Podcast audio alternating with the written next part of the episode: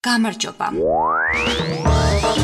მე საუმე აფხაზიშვილი ვარ და ვცდილობ გავიგო როგორ იღებს ინფორმაციას მედიიდან ჩემი მშობლების თაობა. ეს არის დედასთვის პროექტ 64-სა და მედია ჩეკერის ერთობლივი პოდკასტი. ეს ის თაობა, რომელიც ტელევიზიისა და რადიოს ეპოქაში დაიბადა და დღეს მათ ციფრულ იმიგრანტებად მოიხსენიებენ. იმაზე მისანიშნებლად, რომ მათთვის ეს ციფრული სამყარო, ინტერნეტ სივრცე არასდროს ყოფილა ბუნებრივი საცხოვრებელი გარემო. პოდკასტის თითოეული ეპიზოდი გაგაცნობთ ერთ ციფრულ იმიგრანტს და მასთან ერთად კრიტიკულად გავაანალიზებთ მედიას, მედია ციგნიერების ხუთი მთავარი კითხვის მიხედვით.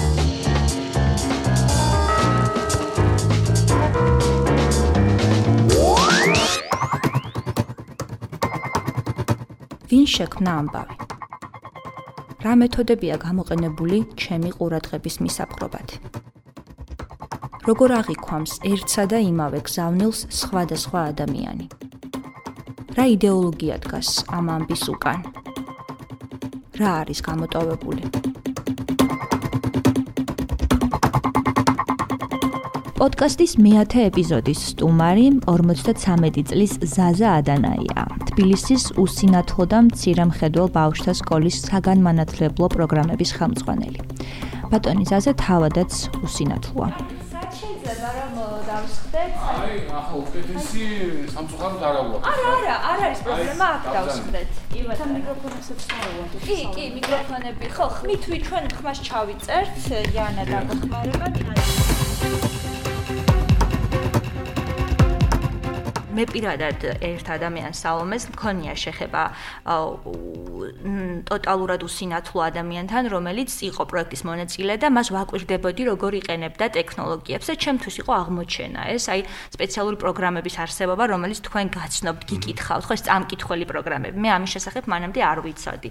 აი ამ ყველაფრის გათვალისწინებით, როგორია თქვენი, თქვენი საჭიროებების გათვალისწინებით, როგორია თქვენი ურთიერთობა ტექნოლოგიებთან და არ ვიცი რა შესაძლებლობებს გაძლევთ, რას ვერ იღებთ ამ შესაძლებლობებისგან, რა შეზღუდვები გაქვთ? მე ხა მე მინდა ცოტა პატარა ოდნავ შესავალს გავაკეთებ რამოდენიმე წინადადებით, ესე იგი მე ის დროც მაქვს ნანახი და მახსოვს კარგად ახალგაზრდებისაგან განსხვავებით, როდესაც ეს ტექნოლოგიები არისო. აჰა. და მე მაგ ამის შედარების საშუალება პირადად ჩემ ცხოვრებაზე და ჩემი საკუთარი გამოცდილება მაძლევს აი ამ დროების შედარების საშუალებას, როცა არ იყო ეს ტექნოლოგიები და როცა ახლა ეს არის. აჰა. ეს არის ძალიან განსხვავებული პერიოდები. ძალიან განსხვავებული ეს უსინათლოსთვის ეს ტექნოლოგიები ნიშნავს სერიოზულ ცხოვრებისეულ გარღვევას. ამით ამ ტექნოლოგიების საშუალებით უსინათლო ადამიანი თავის ინტელექტუალურ შრომას გაცილებით უფრო პროდუქტიულს ხდის და მოთხოვნად საზოგადოებისთვის. აქ წაიშალა ბევრი ზღვარი უკვე. უსინათლოები აკეთებენ იმას, რასაც ვერ გააკეთებდნენ დაახლოებით 20 წლის წინ. სანამ ეს საკომუნიკაციო ესეთი სფეროები არ იყო განვითარებული. აი მაგალითად, ну აი კომპიუტერი, მე რო უნივერსიტეტში სწავლა დავიწყე, დაახლოებით ამ მაგიდის ხელა იყო.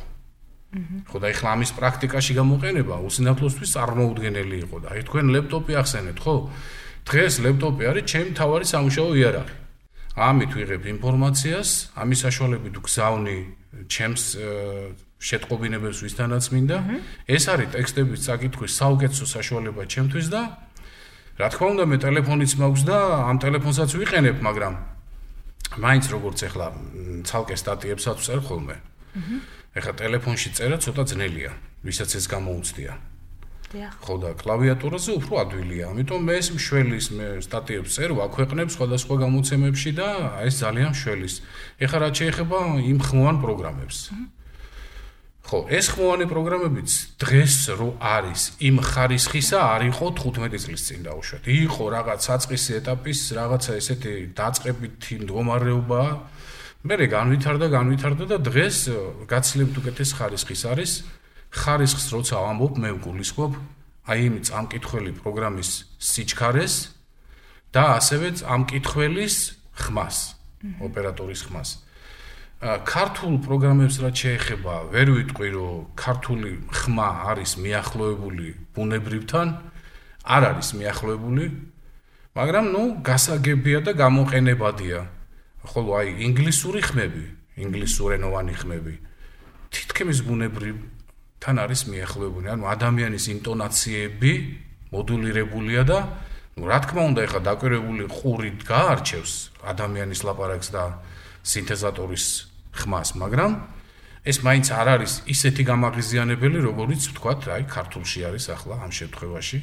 მაგრამ ყველაფერს ვეჩვევით და სულ არარაობას ჯობია ის რაც გვაქვს. პოდკასტის დღევანდელი ეპიზოდის გმირს ვკითხე, რა უშლის ხელს საქართველოში გამართული სერვისის ან პროგრამების შექმნას, რომელიც გაუადვილებდა usinathlo და მცირე მხედველ საზოგადოებას ყოველდღიურობას. და მითხრა, რომ ქვეყანა პატარა, usinathlo ადამიანებიც არ არიან იმდენი შესაბამისად მოთხოვნა ასეთ სერვისზე და პროგრამებზე ნაკლებიაო.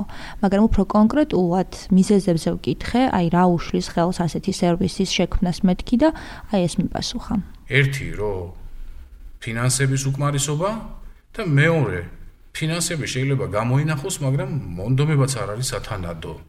ესე რომელიღაცა სტრუქტურა, რომელიც ამაზე ზრუნავს, ასეთი რამ არ არსებობს ჩვენთან. როდესაც ტექნოლოგიების სიკეთეებზე ვლაპარაკობთ და სარგებელს უსვამთ ხოლმე ხას, ადამიანები, რომლებსაც არ გვაქვს სპეციალური საჭიროება ან არ გვაქვს შეზღუდული შესაძლებლობები, ვერ ხვდებით რა სარგებელი შეიძლება მოხონდეს მას ამ ადამიანებისთვის, რომელსაც აქვს სპეციალური საჭიროებები, ან პირიქით, რა შეზღუდვები შეიძლება ჰქონდეთ მათ ტექნოლოგიების გამოყენებასთან დაკავშირებით. ამ ეპიზოდის გმირმა იმდენი სიახლე გამიზიარა ტექნოლოგიურ გამოგონებებზე, სერვისებზე უსინათო ადამიანებისთვის, როდესაც უსმენდი კიდე შემდეგ მასაც უსმინე, შემდეგ ჩანაწერს უსმინე და მივხვდი, რომ ზოგჯერ ადამიანი, რომელიც ცოცხალი არსებაა და შეუძლია გადაწყვეტილების მიღება და ქმედება, რომ ამ ადამიანებს ცხოვრება გაუადვილოს, შექმნას სერვისები, ხშირ შემთხვევაში უფრო ნაკლებ ნაბიჯს დგამს, ვიდრე ტექნოლოგია თავად, რომელიც ქმნის შესაძლებლობას, რომ ამ ადამიანებს ცხოვრება გაუმარტივდეს და იცხოვრონ ისე როგორც ცხოვრობენ თქვათ ის ადამიანებსაც არ აქვს სპეციალური საჭიროება ან შეზღუდული შესაძლებლობა. ჯერ ერთი უბრალოდ ინფორმაციული უზრუნველყოფა გაიზარდა უსინათლო ადამიანს. უსინათლო ადამიანისთვის შეუძლებელი იქნებოდა ამ ტექნოლოგიის გარეშე დღევანდელ საინფორმაციო ნაკადებში გარკვევა. უბრალოდ ამის გარეშე შეუძლებელი ეს ეს დაახლოებით ახლა იმას უდრის რომ წერა კითხვა არ იცოდეს ადამიანმა. რადგან ეხა არ ვაჭარბებ ამ შემთხვევაში წერად შეცვალა უსინათლოსთვის ამ ტექნოლოგიამ.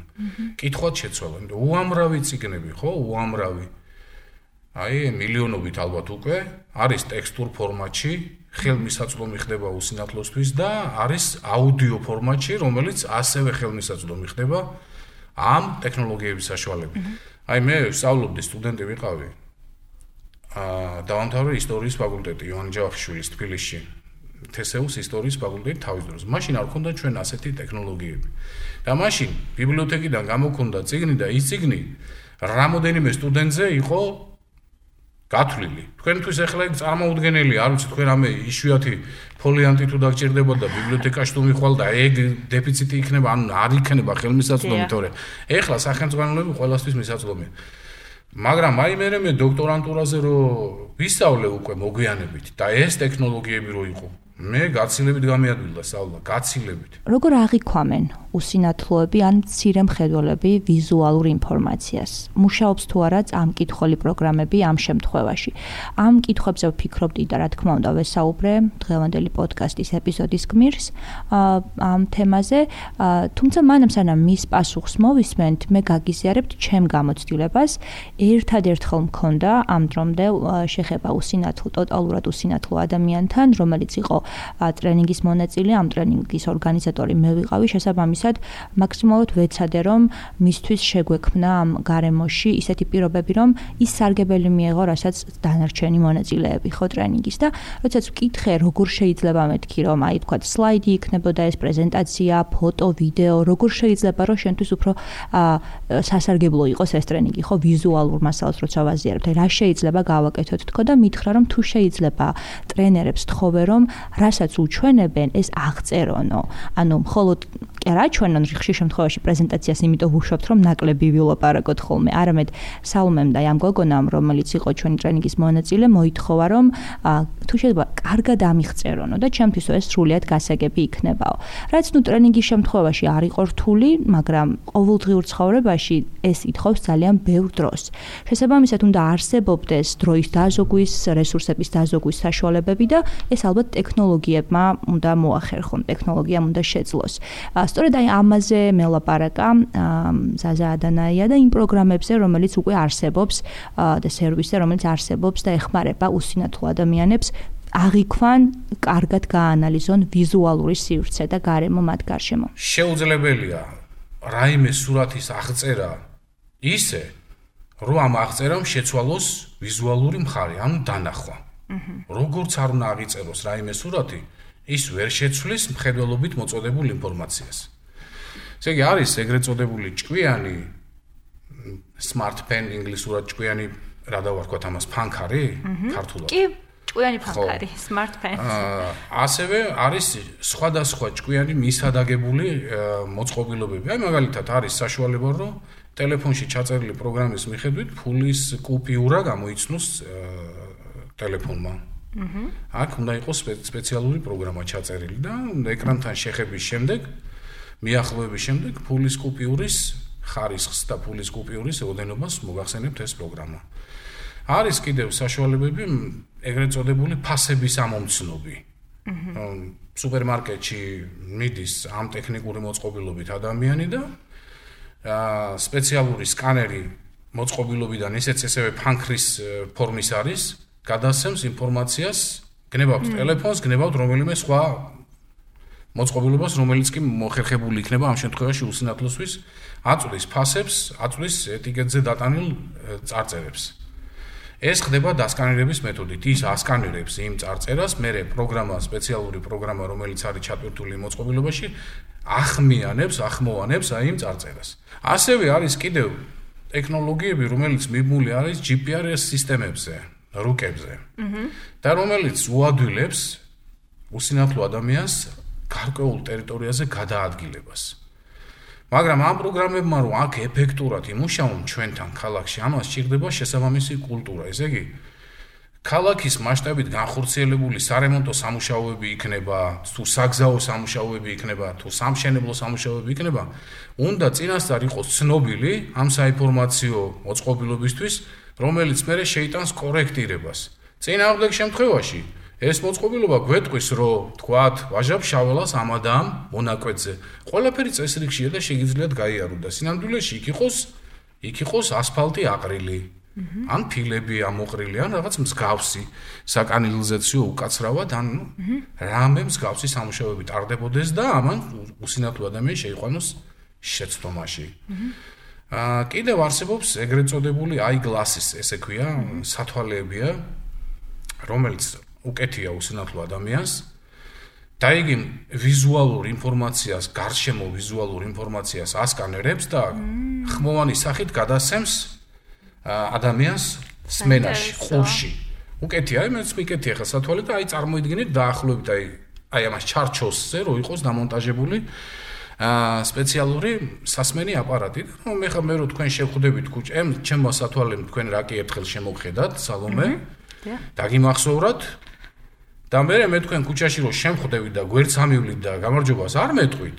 ჩემი სათვალე მეტყვის, აგერ სალმე ჩაიარა და ვერ შეგამჩნია. არ მოგესალ. ხო, აი ამას მეტყვის ჩემი სათვალე. ვაა, რა საინტერესო. ეს ცნობილი რეკლამა არის მესი, ფეხბურთელი მესი, ხო გაგიგია? კი, როგორ არა. აი ფეხბურთელი მესი აკეთებს ამ რეკლამას. Eh, bueno, idea. The Orcam My Eye transforms the lives of the blind and visually impaired, enabling them to live more independently and discover magic moments every day. te va a poner el aparato, Orcam, el dispositivo, que te dirá en su momento quién tienes delante, ¿vale? Leo Messi.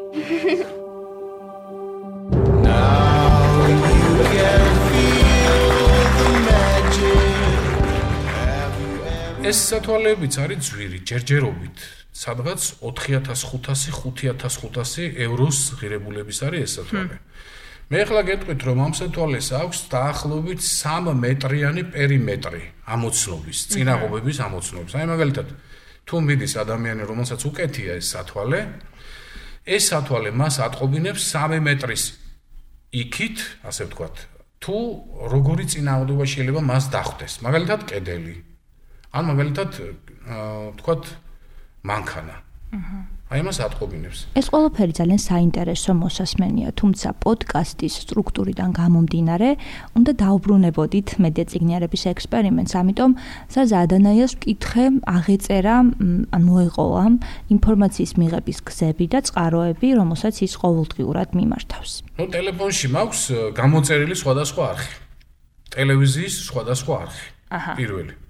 მე კოვიდის ინფორმაცია ზუსტად ისევე ვიღებ როგორც ხვაც შევალ იმ გვერდზე რა ქვია იმას სტოპ კოვჯი სტოპ კოვჯი ხო აი მან და ზუსტად ისევე კითხულობს ჩემი ხმოვანი პროგრამაც ამ ტელეფონში როგორც როგორც ვთქვათ თქვენ წაიკითხავთ ამას თქვენი თვალით შეიძლება რომ ეხა თან ცადოთ ეს აი შევიდეს და გავით ნახოთ როგორ გიკითხავთ ხო ტელეფონის ხმა ისმის ცოტა ჩქარა მაქვს ამ შემთხვევაში დაყენებული შეიძლება გამო შეუჩეველი აი მესიჯიც მოვიდა. აჰა.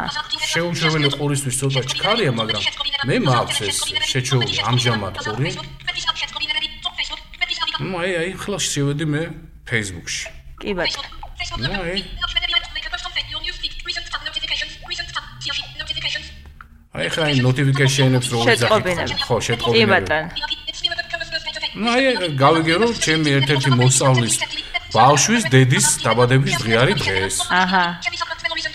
აი ხა იქ ჩემი საქართველო და ასე რა, ასე მოდის მოკლედ ეს პოსტები. აი აა მეგობრობის მოთხოვნაც გამომიგზავნა ერთ-ერთმა ადამიანმა და დაუდასტურებ ალბათ შემდეგ, ალბათ კი რა დაუდასტურებ ნამდვილად. ხო, ეს ეს სოციალურ ქსელს რა შეეხება? კი ბატონო. ნუ ასევე ტელეპროგრამები მაქვს ჩატვირთული. შეტყობინება ჩაოლებრივ რეჟიმში. ხმოვანი შეტყობინების სახით მიკითხავს ამას მე რასაც თქვენ და ჩაოლებრივ ტელეფონში თვალით კითხულობთ და მე აქ ხმოვანი პროგრამა მაქვს ჩართული მაგრამ ამ ხმოვან პროგრამას თუ გამორთავ ეს ტელეფონი ჩაოლებრივ ტელეფონი იქნება და მეტი არაფერი. ხო რაღაც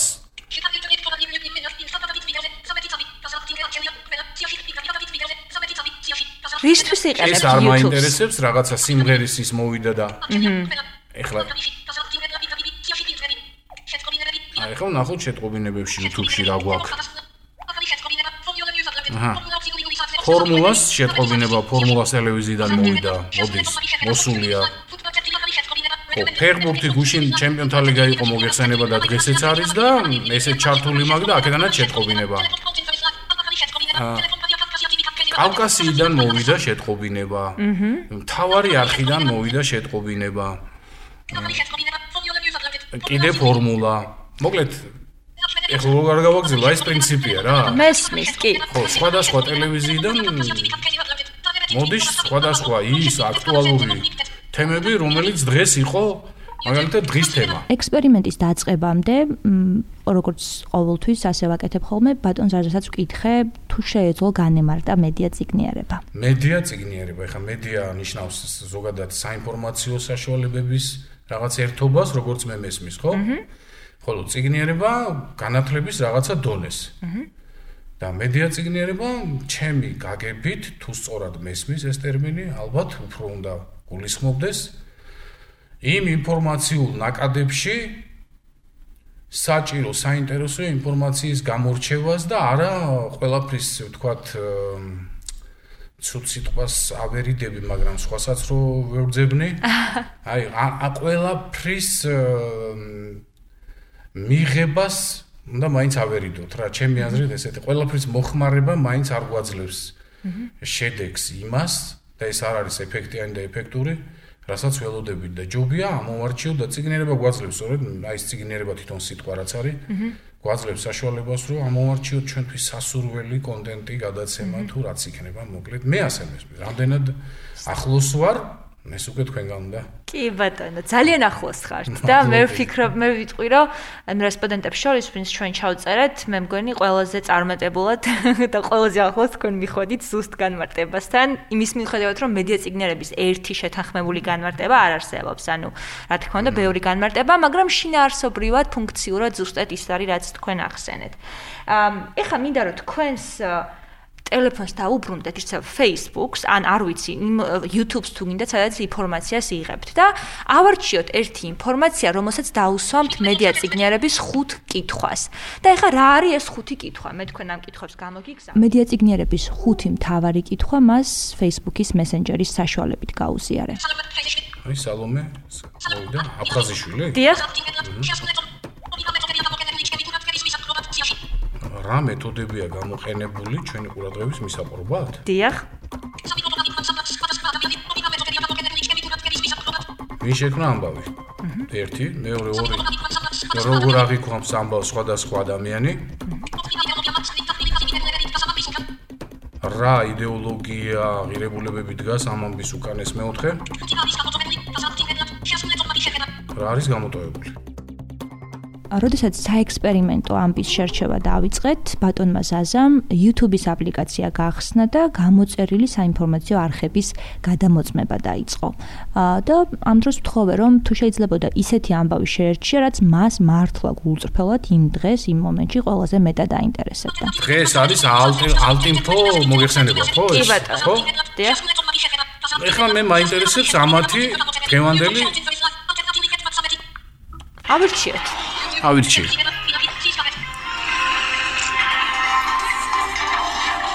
ასე ხედავთ თუ კონკრეტის რეჟიმია თუ პენზი. კი, კი, ან თავრე გვესმის და კი. ალტემპო აქტუალური თემაა დღეს მოგეხსენებათ. მოგესალმებით, ძვირფასო ტელემაყურებლებო, ეთერში ალტერნატიული ხედვა პირველ საათზე. მე ჯაბაჟვანია ვარ და ვსაუბრობ თვალოდროინდელ მნიშვნელოვან თემებზე. 18 წელი ვარდების რევოლუციიდან თარიღი დღეს პომპეზურად აღინიშნება სააკაშვილის მხარდამჭერები, თანამებრძოლები და ეგრეთ წოდებული სამოქალაქო აქტივისტები დედაქალაქის ცენტრალურ მოედანზე შეიკრიბებიან. სულობას, რომელსაც ესენი თავისუფლებიდან ვარდების მოედნამდე მოაწყობენ ცოცხალი ჯაჭვის სახე ექნება. აქციის ერთ-ერთმა ორგანიზატორმა და სააკაშვილის გულხურვალი მხარდამჭერმა ნანოკა ჟორჟოლიანმა გუშინ მედიასთან განაცხადა, რომ აღნიშნული მსვლელობით ისინი მნიშვნელოვან პოლიტიკურ და სოციალურ გზავნილებს გააკეთებენ. საკმარისია? კი ბატონო, ცოტა ხანს გავაჩეროთ, დავაპაუზოთ. შევაჩეროთ. აბატონო. კი ბატონო. რა არის ეს? რა რას ვუყურეთ? რა არხი ალტერნატიული ხედვა? რატომ ამოირჩიეთ ეს? ეხლა ეს მე ამოვირჩიე დღევანდელი აქტუალურობიდან გამომდინარე. ისე მე ეხლა ეს მაინტერესებს, რატომ მაინტერესებს? ეს პოლიტიკური ძალა, პოლიტიკური ძალა დავარქვათ ამას თუ ეს ძალა არის შედარებით ახალი ქართული მედიის სივრცისთვის. შედარებით ახალი თორე ეს რა თქმა უნდა რამდენიმე წელიწადია მუშაობს და სხვადასხვა პლატფორმებზე არის წარმოქმნილი, მაგრამ მაინც შედარებით ახალია ესეთი ტელე სატელევიზიო არქის ფორმატში. ამიტომ ავირჩიე.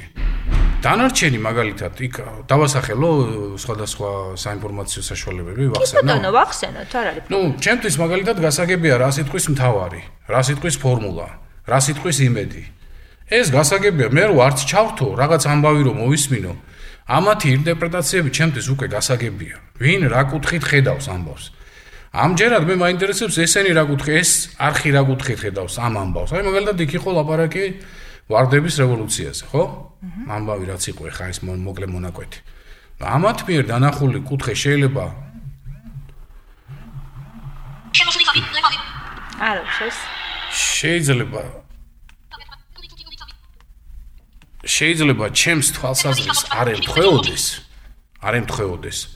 მაგრამ მე მაინც მაინტერესებს მოვისმინო განსხვავებული თვალსაზრისი. აა, რაც მოვისმინეთ, ხო? ძალიან გასაგებად, რაღაც მონაკვეთი იყო, აი ამ რაღაცა საავტორო ანალიტიკური ეპიზოდიდან დავიწყოთ შეფასება. ვინ შექმნა ამბავი? ეს ერთი შეხედვით მარტივი კითხვა, მაგრამ ძალიან მნიშვნელოვან ინფორმაციას გვაძლევს ამბავზე. ამ კითხვაზე პასუხის გასაცემად აუცილებელია ვიცოდეთ ორი რამ. ერთი, რომ ეს ამბავი ჩვენამდე მოსული ფორმით ვიღაცამ, ან ვიღაცებმა შეარჩიეს და მეორე, ამბავი შეიქმნა ამ არჩევანის შედეგად.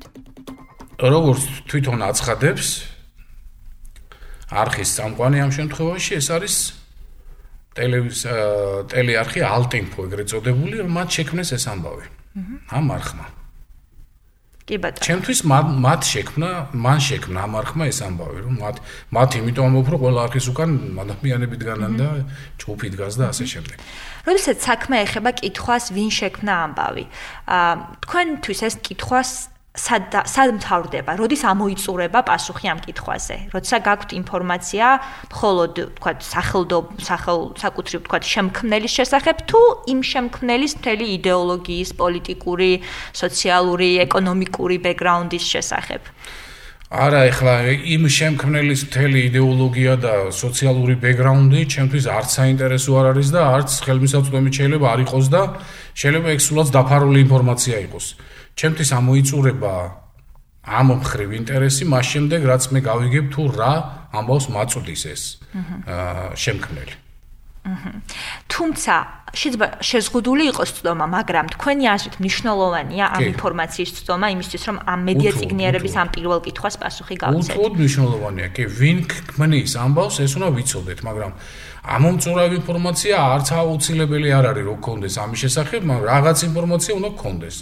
ამომწურავი ინფორმაცია ახლა შეუძლებელია უბრალოდ მაყურებლისთვის რიგითი აი ტელე თუ ასე ვთქვათ რადიო მსმენელისთვის თუ ტელემაყურებლისთვის ახლა ყველა ვინც ამბავს ქმნის იმის შესახებ რამე რო იცოდე ეგ უკვე არა მაგრამ გარკვეული ცნობები ხომ უნდა გქონდეს და უნდა ვიცოდეთ ვინ გვაწვდის ამ ამბავს. აჰა მე ერთს ვიტყვი, რომ მედეციგნერების ამოცანა ზუსტად ეს არის, რომ ჩვეულებრივი საშუალო სტატისტიკური მსმენელი და მკითხველი და მაყურებელი აღჭურვოს იმ უნარებით, რომ აი ეს დაფარულიც გამოავლინოს. აი ეს არის, ასე ვთქვათ, ამისკენ მიულტვის მედეციგნერება.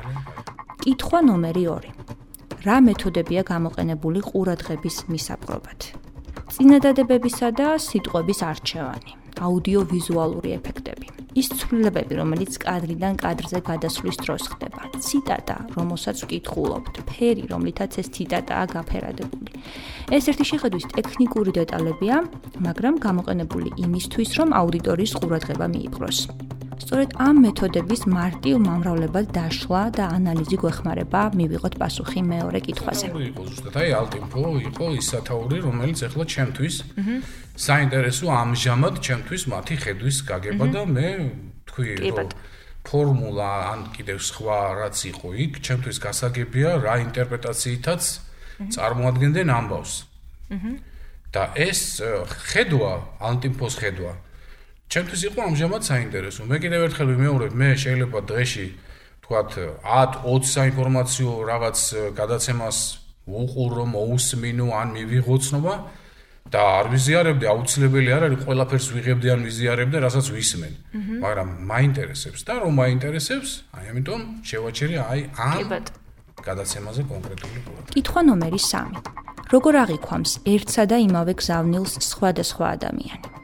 ეს კითხვა ინტერპრეტაციების მრავალფეროვნებაზეა. ანუ ერთსა და იმავე ამბავს დედა და შვილი, სტუდენტი და პროფესორი, ქალი და კაცი, ბებია და შვილიშვილი, დასაქმებული და უმუშევარი, უფრო ზუსტად რომ ვთქვათ, ორი საუკეთესო მეგობარიც კი სხვადასხვანაირად აღიქვამს. ამიტომ კითხვა ნომერი 3 გვეხმარება გამოვიკვლიოთ ინტერპრეტაციები ერთი და იმავე ამბავზე. ეგ ძალიან რთული კითხვა, ალბათ მაგ კითხვებში ყველაზე უფრო რთული, იმიტომ რომ რამდენი ადამიანი წარსებობს, იმდენი აღქმა. და ეხლა მე მოუყევი ჩემს მეგობარს ამბავი, იმან თავის მეგობარს მოუყვა ამბავი და ეს ამბავი მესამე მე რომ მოიყვა სულ სხვა ამბავი იყო უკვე. ისევე არის დაახლოებით აქაც. ადამიანის მეხსიერებას ის უნარი აქვს, რომ დაიმახსოვროს ყველაფერი, მერე გაანალიზოს და შეინახოს ის, რაც მისთვის უფრო მისაღებია. ამიტომ ერთი და იგივე ამბავი შეიძლება ჩემთვის ერთს ნიშნავდეს და სხვისთვის სხვას. აჰა. გააჩნია გააჩნია ადამიანის მსმენელის თუ მომხმარებლის ინტელექტს, გააჩნია მის ფსიქოემოციურ მდგომარებას იმ კონკრეტულ შემთხვევაში, და ბევრ რამეს გააჩნია. მოკლედ მე გეტყვით ერთ რამეს, რომ არ არსებობს ამბავი, რომელსაც მოვისმენთ მე და თქვენ ერთდროულად და მე ჩვენ ამ ამბავს ერთდროულად გადავცემთ სხვას ერთნაირად. კი ბატონო. აი ზუსტად ამ კონკრეტულ შემთხვევაში, როცა საქმე ხება alt infos და მათ აზრს ვარდების რევოლუციაზე, თქვენ გაიგებდით თქვენი შეხედულებებიდან გამომდინარე, თქვენი სხვა მეგობარი, თანამშრომელი, როგორ გაიგებთ? აი თუ გიფიქრიათ აი ამ განსხვავებულ ინტერპრეტაციებზე? მიფიქრია რა თქმა უნდა სხვადასხვა შემთხვევაში ხა შეიძლება კონკრეტულად აი ამ ალტინფოს ამ პროგრამის შესახებ არ მქონდეს ნაფიქრი იმიტომ რომ მე ახლა თქვენ წინაშე პირველად მოусმინე ამას. ხა მაგრამ სხვა დროს და სხვა ინფორმაციებზე ხომ აქვს და მე მეც ხო რაღაც გავიგე, მე გადაურეკე კითხე იმას შე როგორ გაიგე და ნუ ეხლა ეგეთ რაღაცაზე ყველა ადამიანი ფიქრობს რა და კი ბატონო, არის ეგ შემთხვევა, ხა ჩვენ მეგობრები ვართ, დაუშვათ მე და რომელიმე ჩემი მეგობარი ვართ, კარგი მეგობრები, ზოგ საქმეში თანამოაზრეები, სხვა საქმეში არა, მაგრამ მეგობრები ვართ. ამიტომ ის გებულობს ამ ინფორმაციას ისე როგორც მისთვის არის ეს მისაღები და მე კიდე ისე როგორც ჩემთვის აქ идеოლოგიური შეხედულებები მაქვს მე განსხვავებული მისგან. კითხვა ნომერი 4. რა идеოლოგია დგას ამ ამბის, ამ მესიჯის უგან? სიტყვა идеოლოგია ამ კონტექსტში გულისხმობს კონკრეტული ღირებულებების, რწმენა წარმოდგენების, პოლიტიკური, ეკონომიკური, რელიგიური თუ სხვა შეხედულებების ერთობლიობას, რომელიც ჩვენს ყოველდღიურ ქმედებებს და არჩევანს განაპირობებს. თუ ჟურნალისტი რომელიმე იდეოლოგიით არის მოტივირებული, ნებისმიერი მისი კითხვა თუ ქმედება სწორედ ამ იდეოლოგიით არის ნასაზრდოები. ხო, ამამბის უკან, მე ახლა რასაც კონკრეტულ მცირე მონაკვეთს რასაც მოусმინე იდეოლოგია, ასეთია ჩემი აზრით. აა კონსერვატიული შეხედულებების მქონე ხალხია. აჰა. რომლებსაც ვარდების რევოლუციის მონაპოვრები მაინც და მაინც დიდ მნიშვნელოვნად არ მიაჩნია ბევრ შემთხვევაში. ბევრ შემთხვევაში შეიძლება მიაჩნია კიდეც, მაგრამ არ უნდა ამის აღიარება. და კონსერვატიული შეხედულებაც ისეთივე მისაღებია, როგორც ლიბერალური, ან როგორც თქვათ აა ну, გარდა ისეთი შეხედულებებისა, რომელიც აშკარად კაცმოძულეობას აა აღვივებს. ეხლა ასეთი შეხედულება თუ აქვს ვინმეს, ეს მიუღებელია და კონსერვატიული ნორმალური შეხედულება თუ აქვს ან ახალი კონსერვატ ნეოკონებს რო ეძახიან, ან ტრადიციული ღირებულებების თუ ადამიანი, ეს ავსებით მისაღებია ჩემთვის მეც ტრადიციული ღირებულებების და ტრადიციების მიმდევარი კაცი ვარ, ასე რომ ვთქვა, პიროვნება ვარ ასეთი და ჩემ ყოველგვარ სიახლეს ვეკიდები ფრთხილად. ვიღებ ამ სიახლეს მაგრამ უკრიტიკოდ და ისე ხელაღებით არაფერს ვიღებ. კითხვა ნომერი 5. რა არის გამოტოვებული? პასუხი ამ კითხვაზე გვეხმარება გავიგოთ ავტორის ამ მესიჯის თუ მედია პროდუქტის ავტორის მიერ გაკეთებულმა მიზან მიმართულმა არჩევანმა რამდენად რა ხარისხით დაარღვია ამბის სრულყოფილება. რა დაგვაკლდა იმისთვის, რომ სრულად გავიგოთ ამბის არსი. და არ ვიცი რამდენად შევძლებთ პასუხს ამ კითხვას, იმიტომ რომ ბოლომდე არ გვისმენია, ხო? ამ ამისთვის. არა, ხო, ახლა ამას ბოლომდე გამოთ მაინც ჩემი აზრით გამოტოებული შესაძლოა აქ იყოს გამოტოებული ამ მოვლენის, როგორც იყო ვარდების რევოლუცია. აჰა. დადებითი შედეგები. რადგან ამ ხედვას, რომელი ხედვაც ახლა არის აქ წარმოდგენილი, ამ დადებითი შედეგების აფიშირება ახლა ამ მომენტში არ აძლევს ხელს. ის სწორედ იმ მოვლენის შედეგად და იმ სააკაშვილის ხელმძღვანელობის შედეგად მოხდა ის, რომ ჩამოყალიბდა სახელმწიფო სტრუქტურები და ამას ახლა ამ ხედვის ინტერპრეტირების პირობებში დიდ ყურადღებას არ მიაქცევდნენ და გამოტოვებდნენ. დაგისვამთ თუ არა ეს კითხვები მანამდე მეთქი ვკითხე ბატონ ზაზას და თქვა რომ მსგავსი ფორმულირებით შეიძლება არასოდეს, მაგრამ ამაზე ხშირად უფიქრია. თუმცა მაინც იყო რაღაც ახალი ამ ექსპერიმენტში და აი ეს ახალი ამბავი შეეხება მედია ციგნერების ერთ-ერთ მთავარ კითხვას. თქვენ ალბათ შემოდგეთ კიდევაც რომ ვინ შექმნა ამბავი? დიახ. მე დამჭირდა ამის გააზრება, თუ რას მეკითხებოდით ახლა. ამ კითხვით რას მე რა პასუხს ელოდით ჩემგან ეს ერთი და თვითონ კითხვის შინაარსიც ჩემთვის იყო რა რა ვინ შექმნა, როგორ შექმნა? აი ამაზე მე დავფიქრდი ამ კითხვის შემდეგ.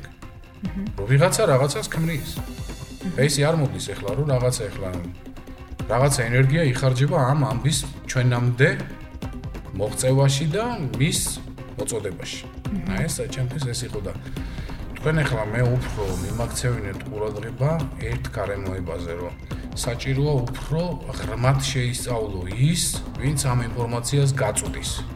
ესე იგი ინფორმაციის მომწოდებული. მე აღვნიშნე საუბარში რომ ნუ კი რაღაც გარკვეული ცოდნა მაქვს ამა თუ იმ მომწოდებელზე ინფორმაციის, მაგრამ მე ხა მაგაზე არ ფიქრობ ისე ღრმად და ისეთ ღრმა ანალიზს არ ვაკეთებ. არ მიმიწვდება ხელი ამ ანალიზისთვის, არ ყოფნის ინფორმაცია, არ ყოფნის დრო, მაგრამ მაინც უკეთესი იქნება თუ დავაკვირდები ამას უფრო შემდგომში.